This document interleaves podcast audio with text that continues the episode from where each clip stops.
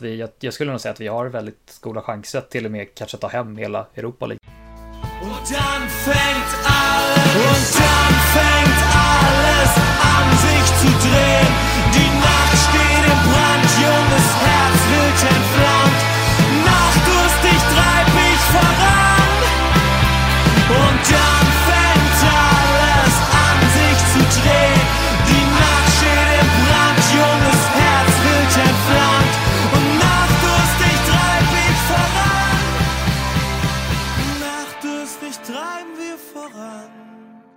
Hjärtligt välkomna ska ni vara till Dreikete Podcast. Podcasten som dissekerar den tyska fotbollen. Jag är er värd, Axel Falk, och med mig idag har jag som vanligt Erik Appelqvist och Erik Boldén. Välkommen tillbaka! Tackar. Tack så mycket. Först Appelqvist, hur har din helg varit? Jo, den har varit eh, väldigt bra. Eh, trevligt med, med lite fortsatt tysk fotboll. Mm. Och Bayern vann ju också så... Jo, det var extra trevligt ja. Sen missar man ju matchen själv, Ah, det var ju inte bra. Ganska dominant match faktiskt. som jag förstår det. Ehm, Den andra Erik har ju inte haft en lika trevlig helg fotbollsmässigt, eller hur? Nej, så har det väl varit. Eh, ja, det kommer väl komma in på med detaljerna senare, men det är, ja, fotbollsmässigt har ju inte varit sådär, men annars så har det rullat på. Vad trevligt. Både Leverkusen och Hammarby förlorade. Precis, så att det är dubbelt upp med frustration och ångest. Ja, verkligen. Det, det brukar vara så, alltså när det är ett lag förlorar så, så förlorar båda. För mig brukar det i alla fall vara så. När Frankfurt förlorar så förlorar Arsenal och sen så tvärtom. Den här helgen var det inte så faktiskt. Som tur var. Um, men jag tänkte att vi skulle rulla igång med ett svepaktigt segment. Uh, där vi tar igenom den tyska fotbollens galenskap. Och ja, jag vet att vi kopierar andra. Lägg ner. Schnell, schnell, Helgen började med att Martin Kins grabbar tog emot Favres Dortmund i en match som kan kodas den mest taktiska men absolut mest sömniga av dem alla. 0-0 slutade den, mycket tack vare två bra försvar och lelös anfall. Helgen fortsatte med en fullspäckad lördag där sammanlagt sex matcher spelades. Det blev mål i samtliga och matchen med mest pondus och karisma var den mellan Frankfurt och Bremen där Bremens Milot Rasica avgjorde i 96 med en vacker frispark bakom nygamle Kevin Trapp i Frankfurts mål. Utöver det bjöds vi på ett rött kort, två skador, en straff och en drös med frustration när två Falunberg av tradition slog samman i skogen söder om Main. Bayer Leverkusens erbarmliga kräftgång fortsätter efter 1-3 hemma mot vargarna från bilmäckat Wolfsburg. Det börjar redan nu skanderas i tyska medier om tränare Heikos avgång. Nästa match är Bayern, så det lär inte bli mycket bättre. Den här säsongen kanske inte blir så härlig för Leverkusen trots allt. Mikael Ishak gjorde även ett dundersnyggt mål för Nürnberg i 1-1 matchen mot Robin Quaisers Mainz. Och lördagen avslutades med 0-3 till Bayern bortom Stuttgart. Och jag börjar känna fantomryckningar i fickan inför de där tusen euros som kommer inkasseras när det här debaclet har slutat. Vad har vi mer? Jo, Duisburg fortsätter förlora. Köln fortsätter dominera. Braunschweig förlorar ånyo och i Zweite ställdes en match in på grund av högerextremister i Chemnitz. Vad mer? Ja, St. Paulis biljetter till bortaläktaren i Hamburg tog slut på 300 sekunder och Adam Nilssons Twitterkonto är nedstängt. Vila i frid. Yes! Tänkte vi skulle prata lite grann om Leverkusen. Um, både igen, om du inte har någonting emot det så kan du väl ta lotsa oss igenom uh, Leverkusens insats mot Wolfsburg som var helt vedervärdig om jag minns rätt. Uh, ja, uh, vedervärdig är nog, nog det rätta ordet skulle jag säga. Uh, återigen så gör de bara en väldigt märklig match. Uh, alltså för början när matchen började så kände jag liksom att uh, nu, nu, har vi, nu börjar det komma igång för att eh, jag tyckte att eh, vi var redan från början väldigt bra med. Eh, vi hade liksom väldigt bra press i anfallsspelet och jag bara nu, nu känner jag, börjar jag känna igen laget. Men sen så alltså, det, det var typ första tio, men sen resten av matchen så eh, i, finns det knappt någon bra sekvens förutom Baileys mål då. Eh, jag vet inte. Och vi får helt enkelt se igen hur Dragovic inte håller på den här nivån och även samt Öskan som ju på något märkligt sätt eh, spoxar boxar bollen i sitt egna mål och det är spelare som blir frustrerade och det blir onödiga gula kort och det är, ja, det var en märklig match på många sätt och vis. Mm, vad känner du kring Heiko Herrlich? Um, ehm, jag, jag, vet att det, är, det skanderas mycket tyska medier om att han ska avgå redan nu, vilket känns extremt dumt. Vad känner du kring det? Eh, ja, det håller jag faktiskt med om. Alltså, det vore nog dumt och just efter, speciellt efter två matcher, absolut att det ser inte riktigt helt balanserat ut. Just att det känns som att de fokuserar väldigt mycket på offensiven men kanske glömmer bort det, det defensiva. Eh, men sen så måste man ju på något sätt ändå komma ihåg att det har varit väldigt tunga spelar, eh, alltså just spelar på skador och sånt där i början av säsongen med tanke på att en sån som Sven Bender eh, kom in, eh, är fortfarande inte riktigt spelklar. Eh, Lars Bender kommer visserligen in nu för den här matchen, men han har också varit, han har inte riktigt fått den här hela försäsongen och, eh, och sen även, och även sånt som Radeski liksom som eh, börjar nu bli spelklar, så att det, det finns också den aspekten att det inte riktigt haft de spelarna sådär, men eh, det vore ju väldigt, väldigt dumt att sparka en tränare nu efter två matcher kan jag tycka. Jo, verkligen. Speciellt i och med att själva, själva alltså ja, att man tog in Heiko Herrlich kändes ju som ett tecken mm. på att man ville satsa långsiktigt. Det var ju ingen som egentligen trodde att det skulle bli succé direkt, att det skulle bli eh, dunder och brak med Bailey och Brandt den förra säsongen. Utan, um, man trodde att det skulle gå lite knackigt, kanske det skulle finnas lite hopp igen efter det där hemska året med uh, Schmidt och Korkut. Um, mm. uh, och där just därför känns det så extremt, extremt lustigt och extremt dumt att bara kicka honom på grund av en, eh, en, ja, men en ett två matchers trend liksom. Men sen är det också så att, att under delen av förra säsongen så såg det lite, knackigt ut i vissa delar. Till exempel så hade ni hemmamatcher mot Hertha Berlin, minns jag va? Eh, och mm. hemmamatch mot Stuttgart också, där ni förlorade. Um, ganska överraskande. Um, så att det har funnits problem som kanske hade varit enkla att uppmärksamma om man hade varit uppmärksam på eh, defensiven då. Men mm. i och med att ni haft så bra offensiv så har man ju inte behövt fokusera på, på defensiven lika mycket som med andra lag. Eh, just därför tror jag att man har, blivit, man har förblindats av, eh, av magin som har eh, kommit från Bailey och Brandts fötter lite grann. Precis. Vilket har räddat Heiko Herrlich ganska mycket då, skulle jag vilja säga. Um, men jag, jag, jag tvekar inte alls på att Heiko Herrlich är en mycket, mycket duktig tränare. Det visade han under förra säsongen. Och jag tror att ja, om någon så är han den rätta personen att, liksom, att släpa upp er från, från den, den närliggande avgrunden och ta er på rätt väg igen. Um, jag, jag, mm. jag tror inte att det ryktas som till exempel eh, om att Ralf Hasenytter skulle ta över det. Eh, I så fall det tror jag absolut inte på utan det skulle vara Hype Herrlich som, som är den i så fall tror jag. Ja, det skulle jag nog säga också. Men man, kan komma ihåg också att förra säsongen så var vi ju även ganska trögstartade. Alltså det var ju liksom det tog ju några matcher in på säsongen att när vi började komma igång så att eh, eh det kanske är, någon, kanske är någonting med HKR så att det är trögstartat men absolut att man kan känna krisen med två förluster, men ja, vi får, vi får se helt enkelt. Förhoppningsvis då så, om inte nu nästa match mot Bayern München så får vi, får vi se om vi kommer igång. Men ja, ja, jag skulle inte säga att det är någon just superkrisstämpel, även fast man är orolig. Appelqvist, vad är dina tankar? Trots att du inte såg matchen. Nej, men eh, som sagt, jag har inte sett matchen, men, men, så jag vet inte hur spelet såg ut. Men, men jag tycker inte man ska utropa kris efter två matcher. Det, det, det, är väl aldrig någonting som slår ut väl, så att säga. Så jag tror man ska, ska ta det lite lugnt och i alla fall vänta två omgångar nu blir det då. Um, för man, man brukar inte räkna med en vinst mot, mot Bayern, brukar man inte göra. Um, Nej, precis. Men annars så, som vi var inne på, förra säsongen var också lite segstartad. Kanske lite för segstartad om man ska vara ska vara mm. sån. Mm. Man får väl hoppas att eh, Leverkusen kommer igång snart helt enkelt. Mm. Jo, vi ska även komma ihåg sagt att de senaste mm, fyra säsongerna så har det varit ett lag varje säsong som har gått de första matcherna, de första fem matcherna helt utan poäng. Um, det har ju varit Dortmund, sen har det varit Gladbach, sen har det varit Schalke, sen har det varit Köln och Hamburg. Tror jag. Nej, Hamburg tog poäng från förra året, men Köln förra året. så att um, det är ju en trend att ett lag, uh, den är väldigt, väldigt fåfäng och väldigt, um, vad ska jag säga, um, ja, inte speciellt vetenskaplig trend visserligen, men det finns ändå någonting där som gör att många, många lag kanske överskattas eller överskattar sig själva när säsongen uh, trippar igång.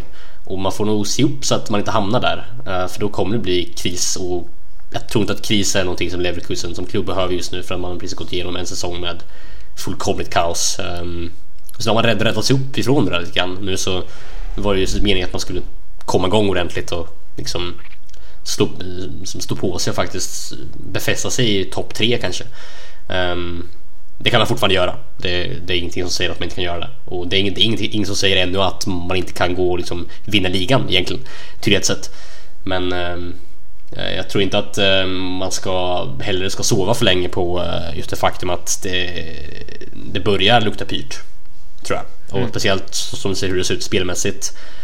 Um, överhuvudtaget så tror jag att man, man får nog vara lite försiktig med um, framtiden i Leverkusen. För att, um, de bör nu ta några rätta steg nu. Uh, ta några steg i rätt, rätt riktning nu och försöka uh, vända om helt enkelt. För annars så kan det, kan det, kan det brinna tror jag.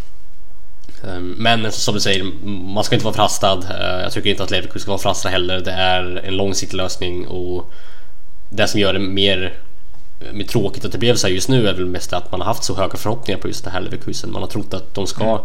liksom fighta som nästan, nästan om, om titeln. Jag har sett ett antal experter som säger det, att, de, att det var liksom deras, deras uh, tips att de skulle nästan gå vidare ligan den här säsongen. Um, mm. Så att det är mer därför kanske man, man blir extra besviken när man ser Leverkusen uh, förlora sina två första matcher. Um, hade ja. man haft samma förväntningar som inför förra säsongen så hade man kanske inte alls, alls tänkt så. Utan, um, så så är det också. Mm. Nej men så är det man är, Det är en del av den frustrationen man har haft. Alltså, som sagt, jag gick in i den här säsongen att, eh, med alltså, väldigt pos alltså, positivare tankar än vanligt. Liksom, så att det, då blir det liksom att det blir, känns tungt såklart. Mm. Hopp är en av de hemskaste känslorna man kan, man kan uppleva. Oh, ja. en annan klubb som um, verkligen var knackigt, oväntat knackigt och som hamnat i skymundan av just den här hypen kring Leverkusen som har funnits det är ju Schalke. Um, Königsblau. Um, den beryktade Adolf Hitlers klubb. Jag bara skojar, det är jag egentligen inte. Men eh, de knappen har ju haft enorma problem under sina två första matcher. Um, vilket jag inte riktigt kan härleda till någonting alls. För att det var ingen som trodde att det skulle se ut så här. Eller hur Apkel?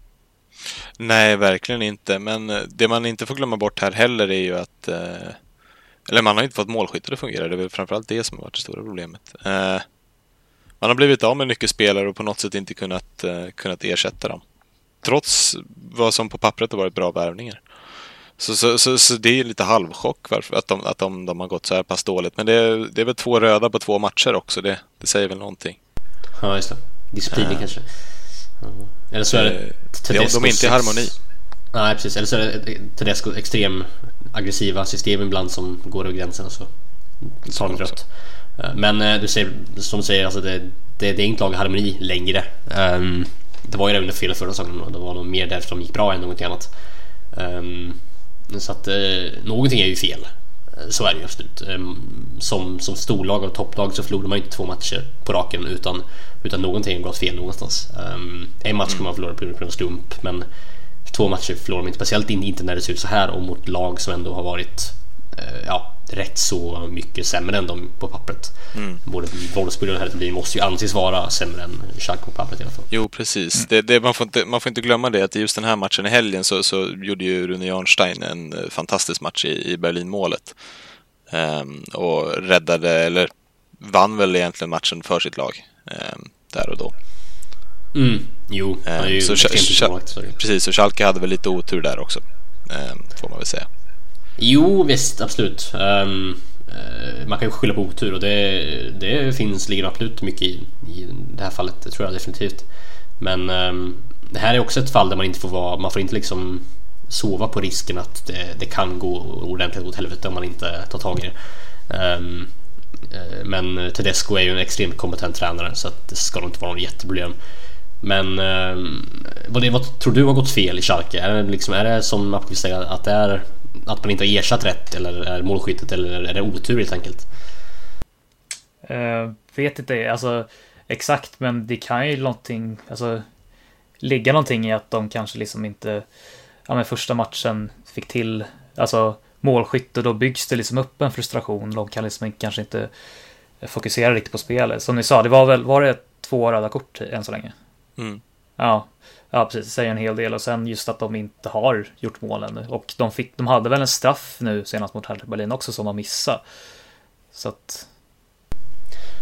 Jo, precis. Eh, Kan, eh, det här är en, en, en personlig liten teori. Kan det vara så att Schalke har varit väldigt, väldigt överskattade? Det ska mycket vara. Um, för att Kan det vara faktiskt. jag ska minnas att när, när våren började trippa igång under förra säsongen så jag tror det var i oj, vad kan det ha varit, februari, mars någonstans där så var um, så var Borussia Dortmund låg på andra plats och de hade 34 poäng. Um, och de var det sämsta laget att ligga tvåa sedan 1994.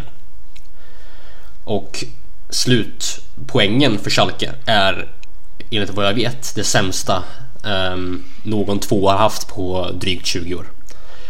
Så att det kan ha varit så att Schalke kom tvåa och såg så pass bra ut för att Bundesliga förra säsongen var så pass ordentligt svag som den var. Um, för att förra säsongen var en rekordsvag säsong för Bundesliga på, i både Europa i, och för tysk fotboll har det här året varit liksom rekordsvagt. Uh, vi, vi såg ju såklart i, i VM också. Så att jag tror att lika mycket som Tedesco är en extremt duktig tränare så tror jag att Schalke som, som klubb har blivit överskattad av det faktum att de kom tvåa den säsong då vilket lag som helst med lite harmoni hade kunnat komma tvåa.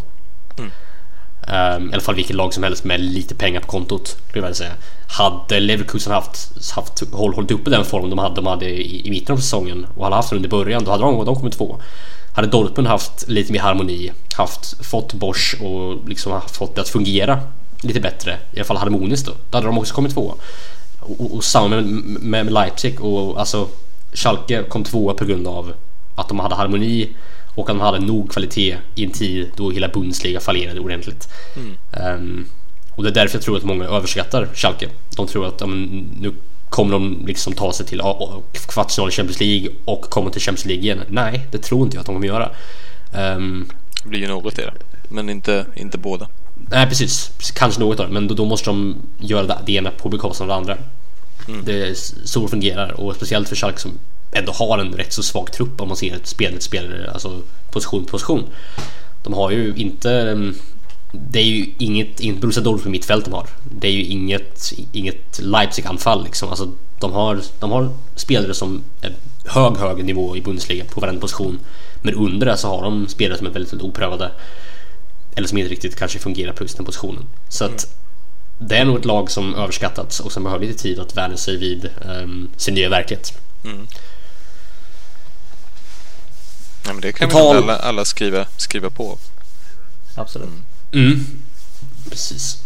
På tal om um, Europa så tänkte jag att jag skulle gå in på um, Europaspelet för de tyska klubbarna. Det blev ju klart förra, slutet av förra veckan efter förra podcasten eh, hur grupperna för de olika lagen kommer se ut. Och jag tänkte att jag skulle kunna gå igenom dem och um, prata lite grann om dem, vad, vad vi tror om de, de, de, de eh, lagens chanser helt enkelt. Um, vi kan börja med Champions League tänkte jag. Då har vi då Dortmund kommit tillsammans med Atletico Madrid. Club Brygge, ursäkta uttalet, och Monaco. Ehm, Schalke kom tillsammans med Galatasaray, Lokomotiv Moskva och Porto. Bayern München kom tillsammans med Benfica, AIK Aten och Ajax.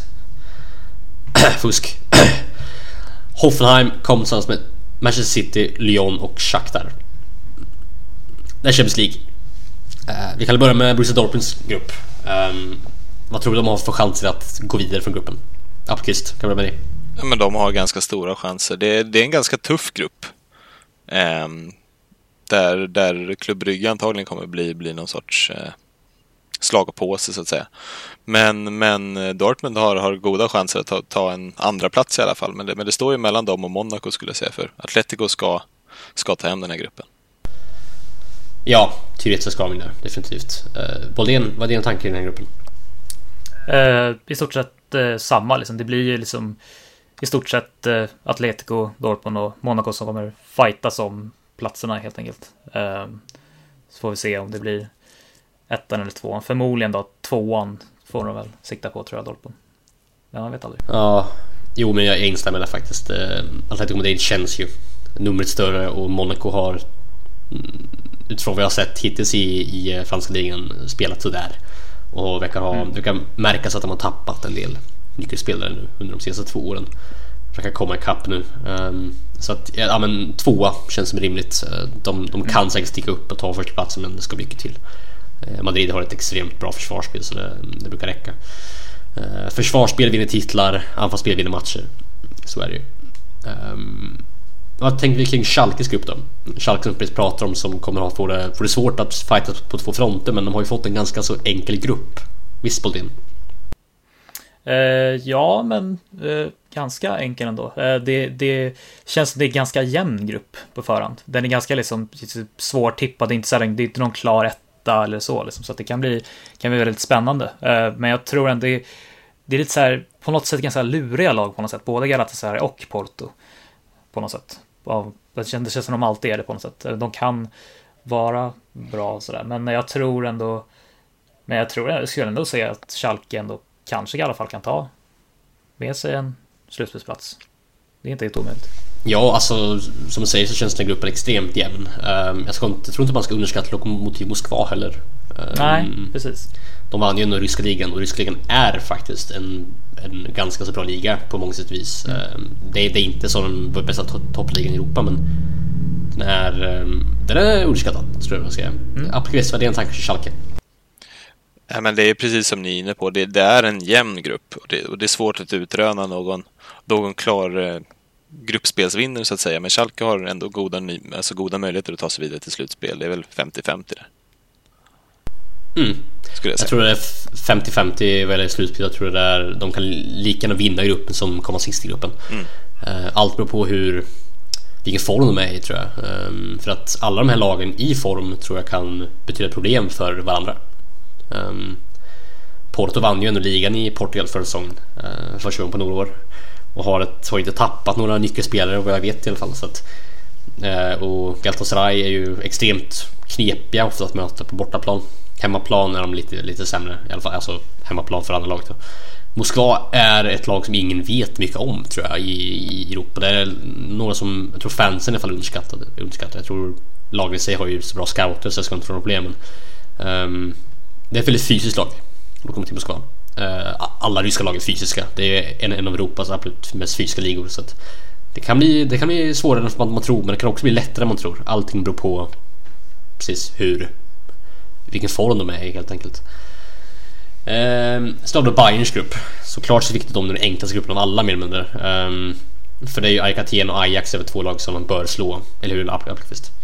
Jo, självklart. Ehm, AIK, Aten, Ajax och Benfica. Det, det, är en grupp som man ska vinna eh, alla dagar i veckan. Eh, med det sagt så är det väl inte en i grunden lättare grupp än grupp D, alltså Schalkes grupp. Eh, Ajax och Benfica är ändå lag som är på, på nivå av Porto och, och de andra. Eh, men, men för Bayerns del så, så, ska det vara en grupp som man ska vinna utan problem. Sa du AIK Aten?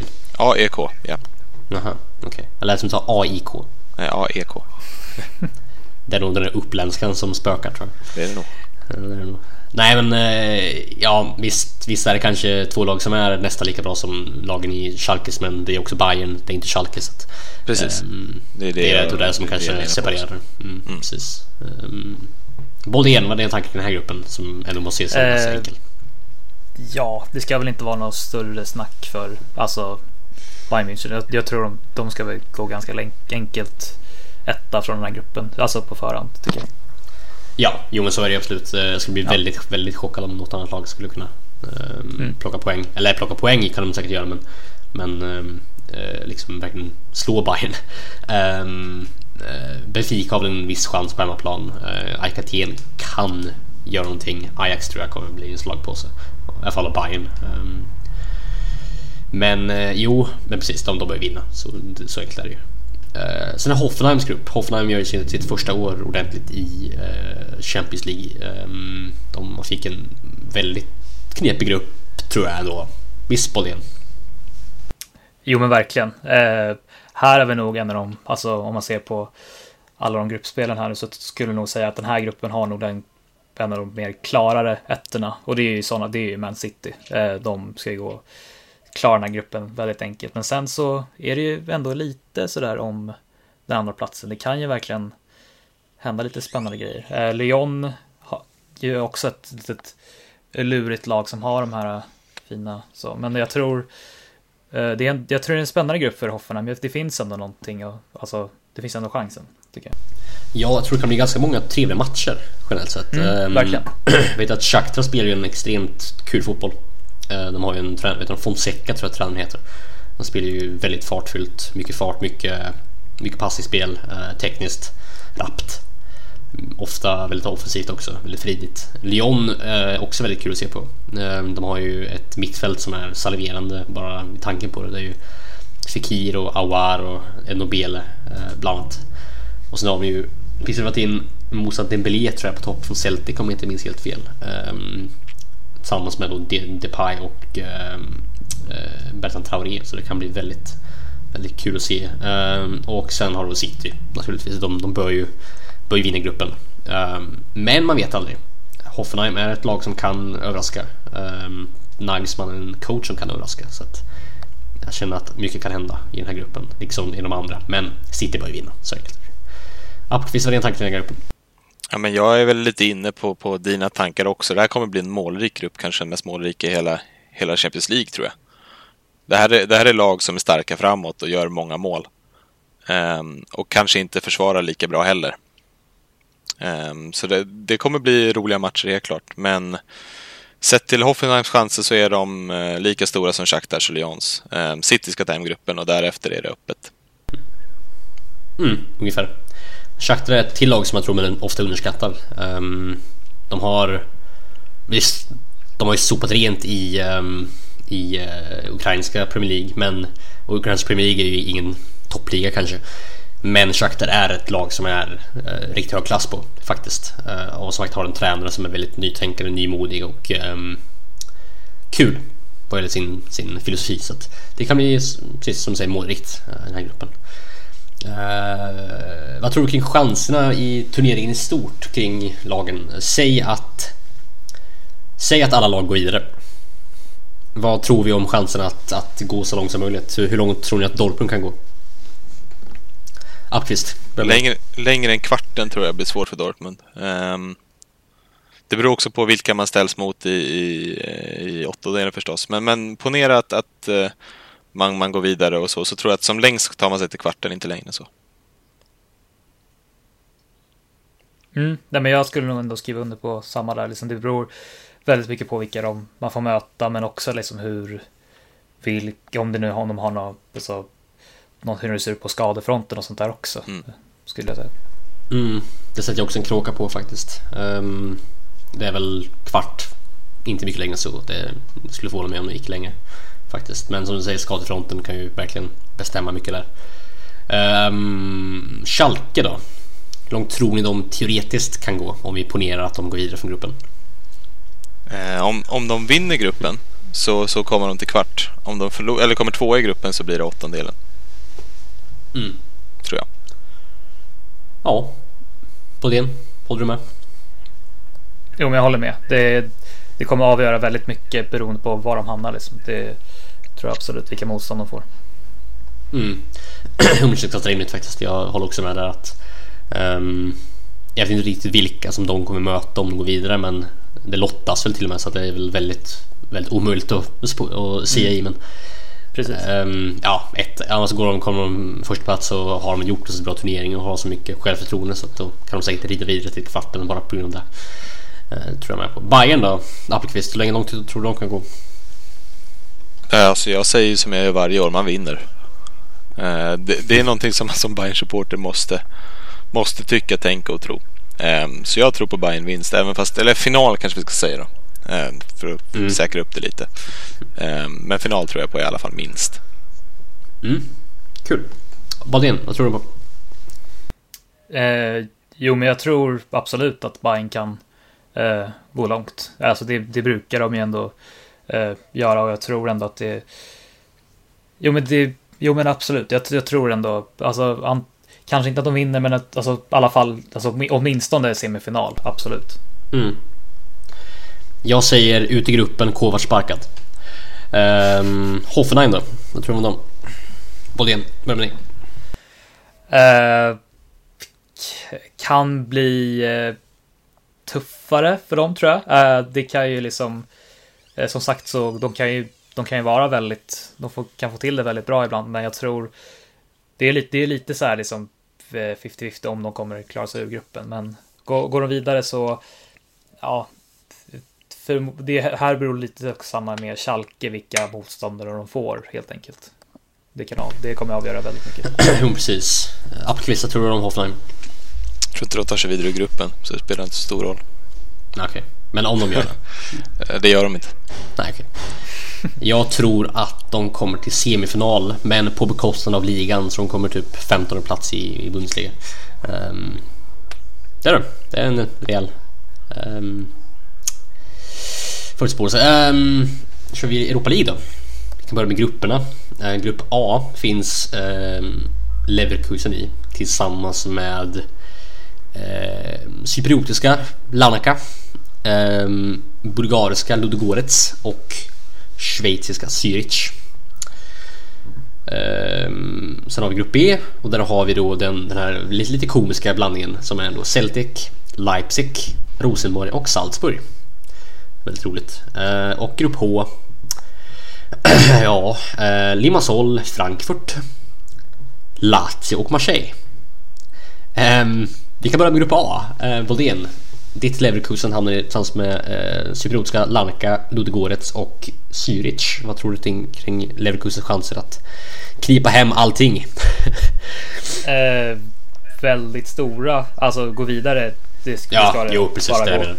Eh, men ja, alltså jag, jag alltså inför säsongen så tänkte jag liksom att eh, det här kan vara säsongen vi kommer nog vinna någonting. Och vare sig om det är Bundesliga, ja kanske inte, men alltså tyska kuppen och Europa League i alla fall tror jag. Alltså att vi, jag, jag skulle nog säga att vi har väldigt goda chanser att till och med kanske ta hem hela Europa League skulle jag faktiskt säga. Om vi, om vi får till det helt enkelt. Mm. Kul. Kul. Um, det låter som ganska rimligt faktiskt. Uh, Appelqvist, vad tror du om Leverkusen i Europa League?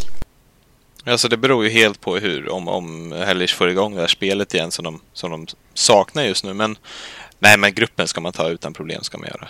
Ehm, jag ser inte att något lag ska, ska kunna ta, ta bort Leverkusen från, från en gruppseger där. Och, och sen så tror jag, jag väl att man ska, man ska nog sikta på semifinal i alla fall. Ehm, Det beror väl lite på vilka man ställs mot i, i 16-delarna helt enkelt. När, alltså de som kommer från Champions League. Mm, jo, just det. Så är det ju. Det är ju Ehm, sånt. vilka de, om man skulle ställas mot något av de lagen. Det är väl där det blir lite svårt att säga så. Men, men semi tror jag i alla fall på, på Leverkusen. Mm.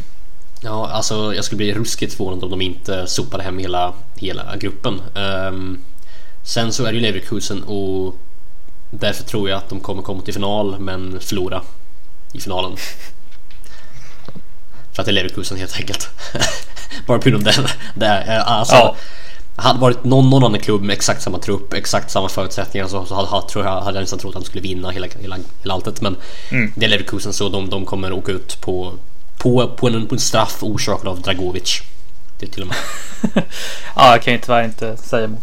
Eh, Men enkelt. det skulle vara en rätt så bra turnering ändå skulle jag säga. Um, Med mycket pengar in på grund av det. Eh, Grupp B då, vad tror du om Leipzigs chanser tillsammans med Celtic, Rosenborg och Salzburg? På det börjar med dig. Eh, ja, alltså väldigt intressant grupp med Red Bull-derbyt så att säga. Eh, men eh, det är väldigt, ja men ändå goda chanser tycker jag. Celtic, det lär väl vara, ja men det lär vara Salzburg, eller Salzburg, Celtic och Leipzig som liksom kommer fightas om det. Jag vet inte riktigt exakt hur Rosenborg är just nu sådär, men det, det är väldigt ändå tight grupp. De har väl Bentner men mer än så vet jag inte om dem faktiskt. Ehm, Nej, precis. Så det är väl det är där helt enkelt. Men det, det lär inte räcka så jättelångt. Um, jag tänker att Jag tänker att det är en ganska energifylld grupp. Är det inte det? Mm. Ja. Just det. Uh, Appelqvist. Vad känner du kring Le- eh, Leipzigs chanser i den här energifyllda gruppen? Jo, men de är, de är ganska stora. Men det här är lite som, som Schalkes grupp där i Champions League. Det är en, ganska, det är en väldigt jämn grupp. Ehm, Leipzig har ju inte, har ju inte direkt imponerat i Europa League så här långt. Så, eh, man har ju tagit sig vidare knappt. Sådär. Eh, så det, det, det, ska bli kul och spännande att se vad, vart eh, den här säsongen tar dem. Men, eh, och de har goda chanser att ta sig vidare, tror jag. Helt klart. Mm. Jo, verkligen. Ehm, det är väldigt, alltså, det, det, det är kul att just Leipzig och Salzburg hamnar i samma grupp faktiskt. Det borde inte gå. Nej, de, det borde egentligen göra det, men jag tror att Uefa kom fram till att det är två olika företag. Um, och just därför får de då spela i samma grupp. Typ. Eller, ja. Uh, jag tror till och med till och med var snack om att de inte fick spela i samma, samma um, turnering först. Mm. Um, men de ändrade sig ordentligt, verkar det som att de, de är i samma grupp. Uh, men det kan bli intressant. Um, jag känner att risken för, för en läggmatch om, om de två lagen börjar spela lika för att gå vidare båda två i sista omgången. Eh, oddsen för en, för en läggmatch då är ganska låga tror jag. Ja, eh, nästan, eh, ja det är ruskigt lågt. Men jag tror att de har en stor chans att ta sig vidare faktiskt. Generellt sett. Eh, det är ändå lag som de, om de är i någorlunda form, bör kunna slå även Salzburg. Ehm, så att, det kan bli intressant, verkligen. Um, då så Frankfurts grupp då.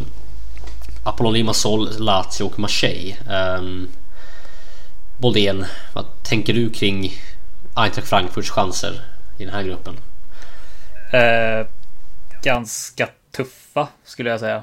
Eh, det, jag vet inte riktigt hur, hur det ser ut på med Lazio och sånt där, men de är ju de kan vara jävligt eh, tuffa att ta sig igenom och Eh, Marseille är väl, skulle är på förhand och favoriten för gruppen. Men, eh, men det, är, det kan bli väldigt roliga matcher i alla fall för Frankfurt, jag tror jag absolut. Mm, eh, speciellt för fansen tror jag att, att åka ner till Cypern och sen så åka till eh, ja, Rom. Tyvärr så Marseille-matchen mm. är ju, kommer ju spelas inför tomma läktare för att Marseille-fansen har dummat sig ordentligt. Men, ja, det är så. Eh, riktigt, riktigt illa faktiskt. För att jag vet att väldigt många hade sett fram emot resan ner till Rivieran. Ja. Ehm, men ehm, så är det. Appelqvist, vad tror du om Frankfurts chanser i Europa League? Ganska minimala skulle jag nog vilja säga. Uh, ja, ja. Jo, då, men nu, nu, nu slår vi på med hammaren här. Nej, men jag, jag har svårt att se att Frankfurt ska ta sig vidare i den här gruppen. Uh, både Lazio och Marseille känns som, som storleken större och bättre. Um, och Frankfurt har inte sett helt övertygande ut så här långt. Så, så nej, nej, jag tror inte att det blir blir, eh, eller att det, jag tror det blir respass redan, redan i gruppen helt enkelt. Jag håller ju i teorin med er båda två, alltså, så det, det kommer bli ruskigt svårt. Um, men bara på grund av grejen så tänker jag säga att vi, vi tar oss till en kvartsfinal. Um, yes. Men uh, det, det, känns ju rimligt att vi ska åka ut i gruppen. Men um, man vet aldrig. Alltså Frankfurt i Frankfurt är inte jätteenkla. Um, det ska till Um, det är slumpmässiga händelser helt enkelt för att vi ska, vi ska förlora där. Um, Eh, så att eh, vi har varit väldigt starka där och starka i Europa League har också varit där. Vi förlorade inte en enda match i Europa League som jag minns rätt senaste gången vi var i Europa League på hemmaplan. Så vi, är, vi är starka där och där blir vår hemmaborg vår, där, vi, där vi måste spela bra helt enkelt om vi ska kunna ta oss vidare från gruppen. Men eh, reaktionen var ju inte jätteglad när man såg att vi fick liksom Lazio och sen Marseille i gruppen eh, i vårt första år i Europa, Europa League sedan 2014. Inte jättenöjd blev man då. Um, men så är det. Vad tror vi om lagens chanser att uh, gå långt då? Om vi, om vi ponerar att Leverkusen vinner sin grupp. Då har vi redan, eh, redan sagt att... Ja. Då har vi redan, redan diskuterat faktiskt att de kommer gå Just det, de kommer gå till uh, ja, final och sen åka ut uh, på grund av en straff orsakad av Dragovic. Yes. Vad tror du om Leipzig då? Om deras chanser att ta sig vidare så långt som möjligt? Hur långt tror du att Leipzig kan gå om de tar sig vidare från gruppen? Om allting stämmer kan de vinna hela skiten. Mm. Mm, tror jag. Det låter rimligt. Um, om allt stämmer för ett Rangnick-lag så är det en av de vackraste synerna i världsfotbollen faktiskt. Um, Bodén, vad tror du om Leipzig chanser? Ja, men så såvida de går vidare från gruppen så alltså absolut att det kan bli väldigt eh, spännande för dem. Det, det är ingen, inga tvivel Ja, precis. Och Frankfurt har vi redan pratat om. Um, det, jag tror att de går till mm antingen åker de ut i gruppen eller så går de till kvartsfinal. Um, ehm, och ni tror att de åker ut i gruppen. Det känns ganska rimligt faktiskt. Yes, vidare på nya grejer. Um, nu är det ju landslagsuppehåll. Buhu. Men uh, det vi får se är ju då såklart uh, en eh, trupp och två väldigt intressanta matcher. Uh, fyra intressanta matcher till och med. Herregud, mycket matcher. Två i Nations League och två vänskapsmatcher. Det är mot, mot Frankrike och Nederländerna i Nations League. Ehm, och vänskapsmatcherna är då mot Peru och Ryssland. Eh, jag tänkte att vi skulle gå igenom gruppen, eller inte gruppen, eh, landslagstruppen. Fint rim. Eh, och så får ni kommentera lite grann kring spelarna som är med. Vi börjar med målvakterna då.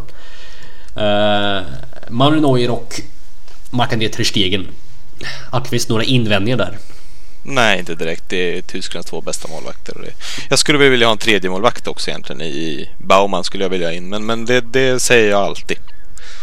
Eh, Mm. Widwald skulle jag vilja in faktiskt. Um, vill Nej, att han skämt ska åsido. förlora. Skämt åsido. Fast en tredje målvakt, han kommer ändå inte spela så att, Nej. Men, eh, nej, men Baumann håller med om det är, eh, kan vara Tysklands tredje bästa målvakt just nu.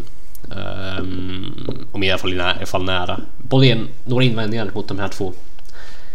Eh, nej, det är som sagt det är bara att det känns konstigt bara att det är två och inte tre. Men alltså det, det är ju som sagt det är två. Det är Tysklands två bästa målvakter så det är Mm. inget snack om den saken. Mm, precis. Eh, man kan nästan säga att hade man haft Widwald med så hade det fortfarande varit två målvakter. Um, försvararna då? Då är det ett Boateng, det är Ginter, det är Hector, det är Hummels, det är Tilo Kehrer, vilket är en debutant såklart. Uh, lustigt nog. Uh, Rüdiger, det är Nico Schultz, en till debutant. Det är Niklas Schüle, det är Jonathan Ta och det är Joshua Kimmich. Appelqvist, några invändningar mot denna grupp? Jag har ju ingen aning om vad Kehrer gör där. Nej, jag håller med. Eh, framförallt inte på bekostnad av av en tredje målvakt blir det väl. Mm, Eh, Det blir det. jag, jag har ing, eller, eller Mitchell Weiser för den delen. Jag har ingen aning om vad Kehrer gör i den här, i den här backlinjen. Eller den här backgruppen ska vi säga. Eller Philip Max. För den delen. Ja, men vi vet att eh, Löv har väl sagt att han inte ska satsa på Max någonsin basically. Så jag, det tror jag är ganska kört. Eh, han är lustigast tycker jag. Men så är det. Eh, nej, jag håller med. Kiri, Kiri är ett jättelustigt val. Eh, jag tycker till och med att 35, de 35 miljonerna som PSG la på honom känns som pengar i sjön nästan. Eh, visst, han är ung, men han var ju han, han, han var inte ens jättebra förra säsongen. Alltså. Jag tycker att Nej, han var... Ehm, han var ofta nästan grunden till att de, de tappar poäng i vissa matcher. Alltså, Mm. Jag känner några Schalke-supportrar och de var glada när de stack de pengarna för att det var liksom, ja, men ta Det är, en, det är en otrolig försäljning. De har ju Ja, fått... där. Det är otroligt bra gjort av Schalke att sälja honom för de pengarna. Ett rån mer eller mindre faktiskt. Ehm, De måste men skratta Nico hela vägen till banken. Ja men precis. Nico Schultz är kul att se dock tycker jag. Eh, underskattad mm. ytterback, yttermittfältare. Boldén, eh, har du några invändningar mot denna känd trupp? Eh, ja, men det är som vi sagt tidigare med Tilo och Kehrer. Eh, det, det är så här, ja visst, han är, det är kul att det kommer in en ung, men jag ser inte riktigt vad han ska bidra med så. Det är väl mest bara att, jag gissar väl att det är bara någon så här, typ att han ska få lite erfarenhet i landslaget, gissar jag. Men han kommer inte, han kommer inte bidra med så mycket. Precis, typ att han ska vara med och se liksom hur det går till. Ja, det lär väl, det lär väl vara någon sån tänk gissar jag. precis, precis. Eh, nej, jag, jag, jag fattar inte hypen kring Kierer alls. Alltså, jag tror, jag tycker det finns Nej. eh, ja, men, tre andra tyska mittbackar som är bättre i så fall nästan. Um, bara, bara tyska mittbackar liksom som hade kunnat kliva in där och ta hans plats. Så att, nej, jag vet inte riktigt. Jag är tveksam till honom överhuvudtaget. Um, Nico Schultz som sagt är kul att se. Um, en uh, nyckelspelare i, Hoff, i Hoffenheims lag förra säsongen faktiskt och lär vara den här säsongen också. Så att, kul! Och så mittfältarna då, då är det ju Julian Brandt, det är Julian Draxler, det är Leon Goretzka, det är Ilkay Gündogan, det är Kai Havertz och det är Toni Kroos. Boldén, några invändningar där? Mm, inte, inte vad jag kommer på mer än att bara det är kul att Havertz får chansen. Mm. Såklart. Eh, tycker ändå att han har visat att han inte bara har en potential men att han, är, han redan är en väldigt bra eh, spelare och håller bra Bundesliga-klass. Inte just nu kanske, men det är bara för att laget går dåligt. Men alltså han, han har ju visat upp bra, bra spel, i alla fall förra säsongen tycker jag. Mm. Jo, men jag håller med helt och hållet faktiskt. Ehm, det är ju en, det, det är kul att se faktiskt att han är med för att han har någonstans förtjänat det även fast han kanske Mm. inte riktigt är på den nivån ännu men Nej, jag tycker ändå att det, det är kul. Det är, det är lite likt till Tilo Kierer men Havertz är ändå jag vet inte riktigt mer lovande än Kierer där ehm, kan man tycka Mm. och har ju gjort det bättre när han har spelat än Kierer gjort så att det är väl Mm. lite mer le- legitimerbart. Uh, Appelqvist, Precis. har du några tankar kring den här gruppen? Egentligen inte förutom att, eh, som ni är inne på, att, att det är kul att Havertz är med. Eh, det, ser ju lite, lite bra ut för Leverkusen då tre spelare med, med en trupp, det måste vara nästan rekord. Eh, på Mm. senare år i alla fall att ha så många, många år. spelare med i, i, i landslaget. Nej men eh, det ser bra ut. Eh, det- är väl lite, man saknar något defensivare spelare på mittfältet, vilket ser lite halvkonstigt ut men både Kimmich och, och Hector kan ju spela där ifall det ska vara så. Ja, man kanske spelar som en, med en trebackslinje faktiskt. Um, Mm. Nico Schultz på ena kanten och Kimmich på andra. Det är rätt så stabilt nog, kan jag tycka. Ehm, då behöver man egentligen bara ha tre dynamiska mittfältare, i alla fall två dynamiska mittfältare har man ju både Gündogan och Goretzka. Sen kan man sätta in Kroos där också. Så jag tror det är ganska välbalanserat. Hade man satt ihop ett, ett, ett, ett 4-2-3-1 då hade man nog behövt en, en Sebastian Rudi eller dylikt. Men ehm, Jag hade velat ha en Emre Can, hade jag velat ha. Ja, jo men absolut. En Emre Can fast li, lite bättre. Mm. Det hade varit kul att se. Ehm, typ, jag vet inte riktigt. Den som Sebastian Rode skulle bli ungefär. Alltså Sebastian Rudi då. Ja, typ. Fast det, det, den som han skulle bli, alltså så bra han skulle bli. Ja. Ehm, Sebastian Rode skulle alltid bli Sebastian Rode, han skulle inte bli någon annan. Men Nej, han nej, men- kört identitetsbyte, eller få sin identitet stulen såklart. Men, Ja, det skiljer ju bara några bokstäver mellan dem så det, nej, just det. i namnen. Menar du Emre Can och Sebastian Rudi? Ja, precis. Nej, nej, men Sebastian Rudi och Sebastian Rode. Ja, menar så. Just. Ja. Nej, men uh, Rudi hade jag nog velat ta in i truppen i sådana fall. Eh, Mm. Det tror jag. Jo men verkligen. Uh, jag är inte riktigt lust att han inte är med faktiskt. Han borde vara med. Egentligen. Um, nåväl. Så är det. Um, anfallarna då? Då är det då Thomas Müller, det är Nils Petersen, det är Marco Reus, det är Leroy Sané och det är Timo Werner.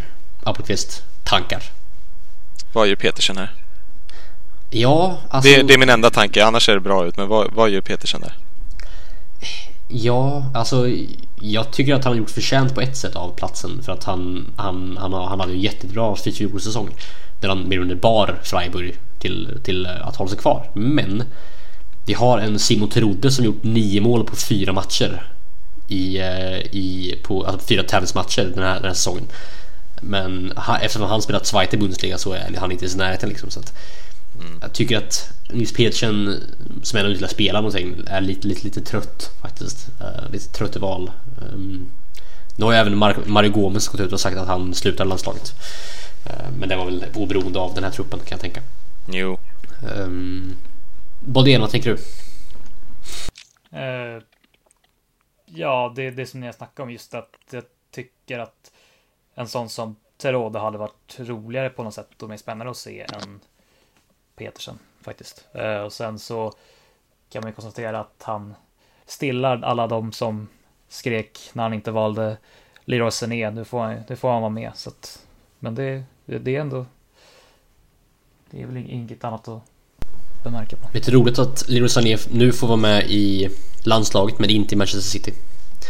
För där har Nej, ehm, just det, det är sant. Pep Guardiola stängt ut honom eh, på grund av hans attityd. Vilket jag Ja, kan tänka kan Ja. tänka är en anledning till att han inte var med i landslagstruppen också.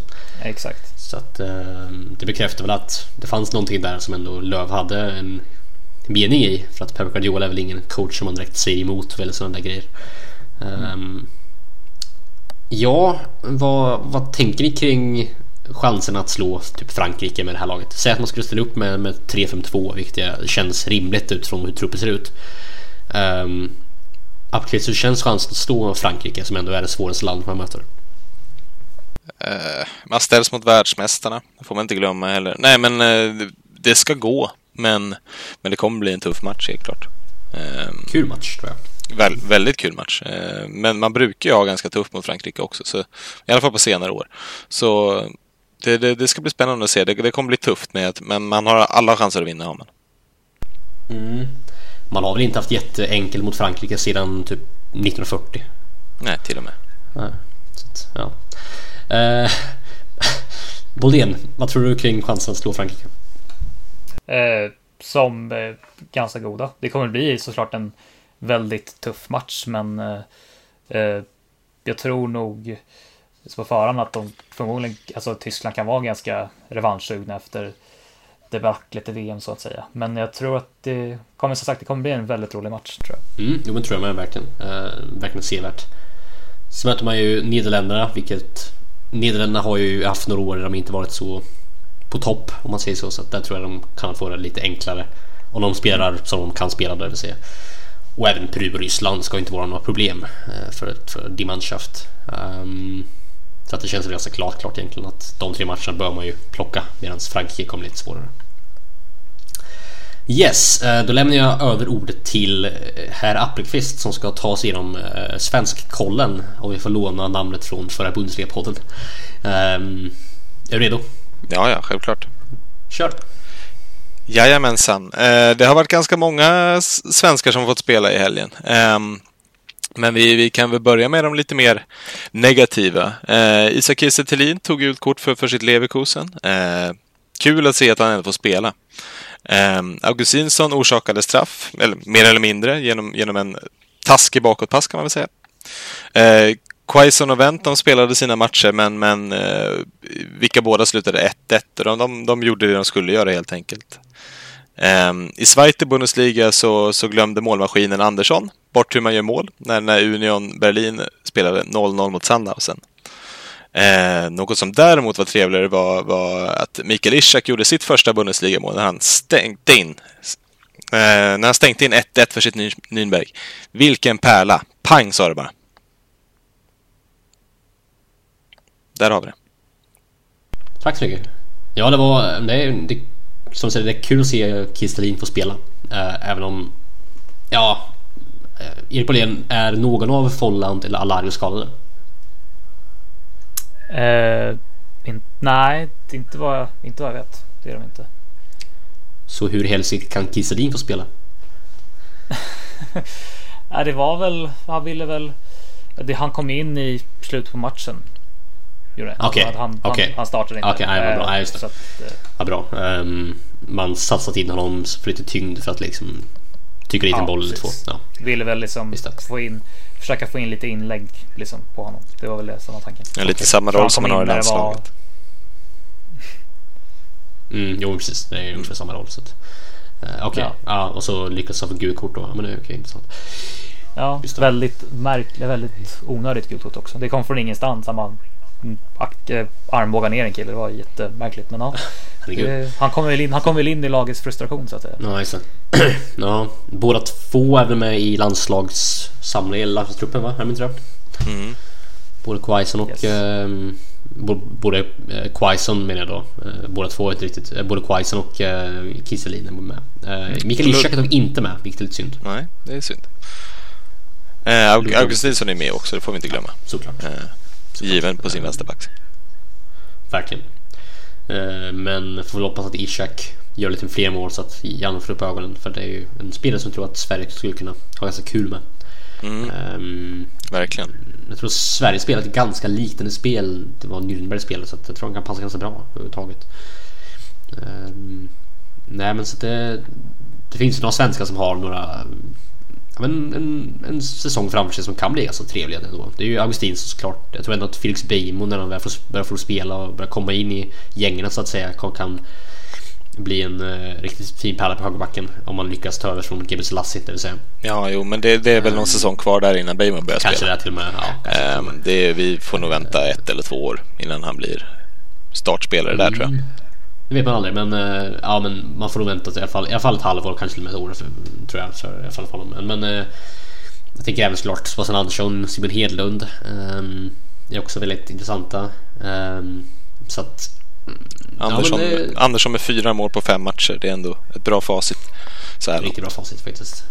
Sen är det några svenskar som också har lite knepigt då. Det är ju såklart eh, Kujovic och eh, Alexander Isak i Dortmund såklart och även Branimir Hergota som alla suttit läktaren senaste omgången var, var med, med veterligen i alla fall.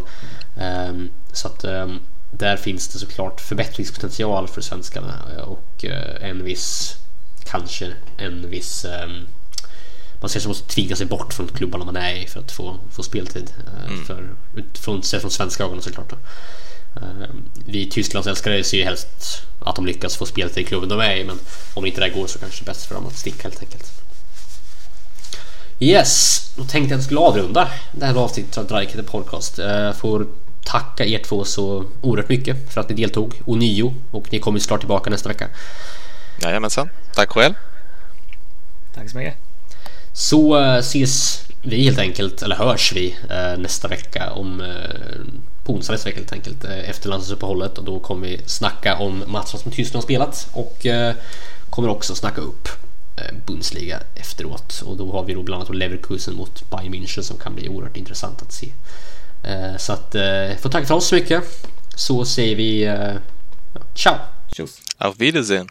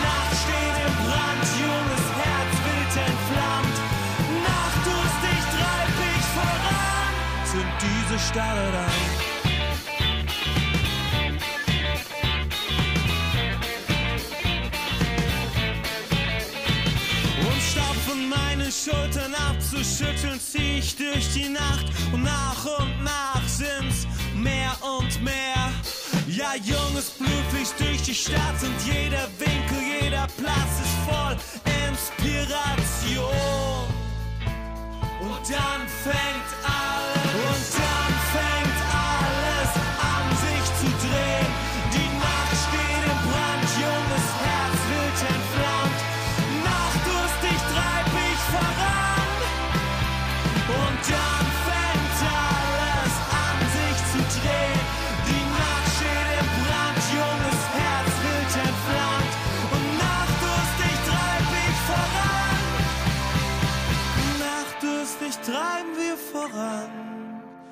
Fängt es an. Zünd diese Stadt heute an. Zünd diese Stadt heute an. Wir zünden die Stadt heute an. Und dann, und dann, und dann.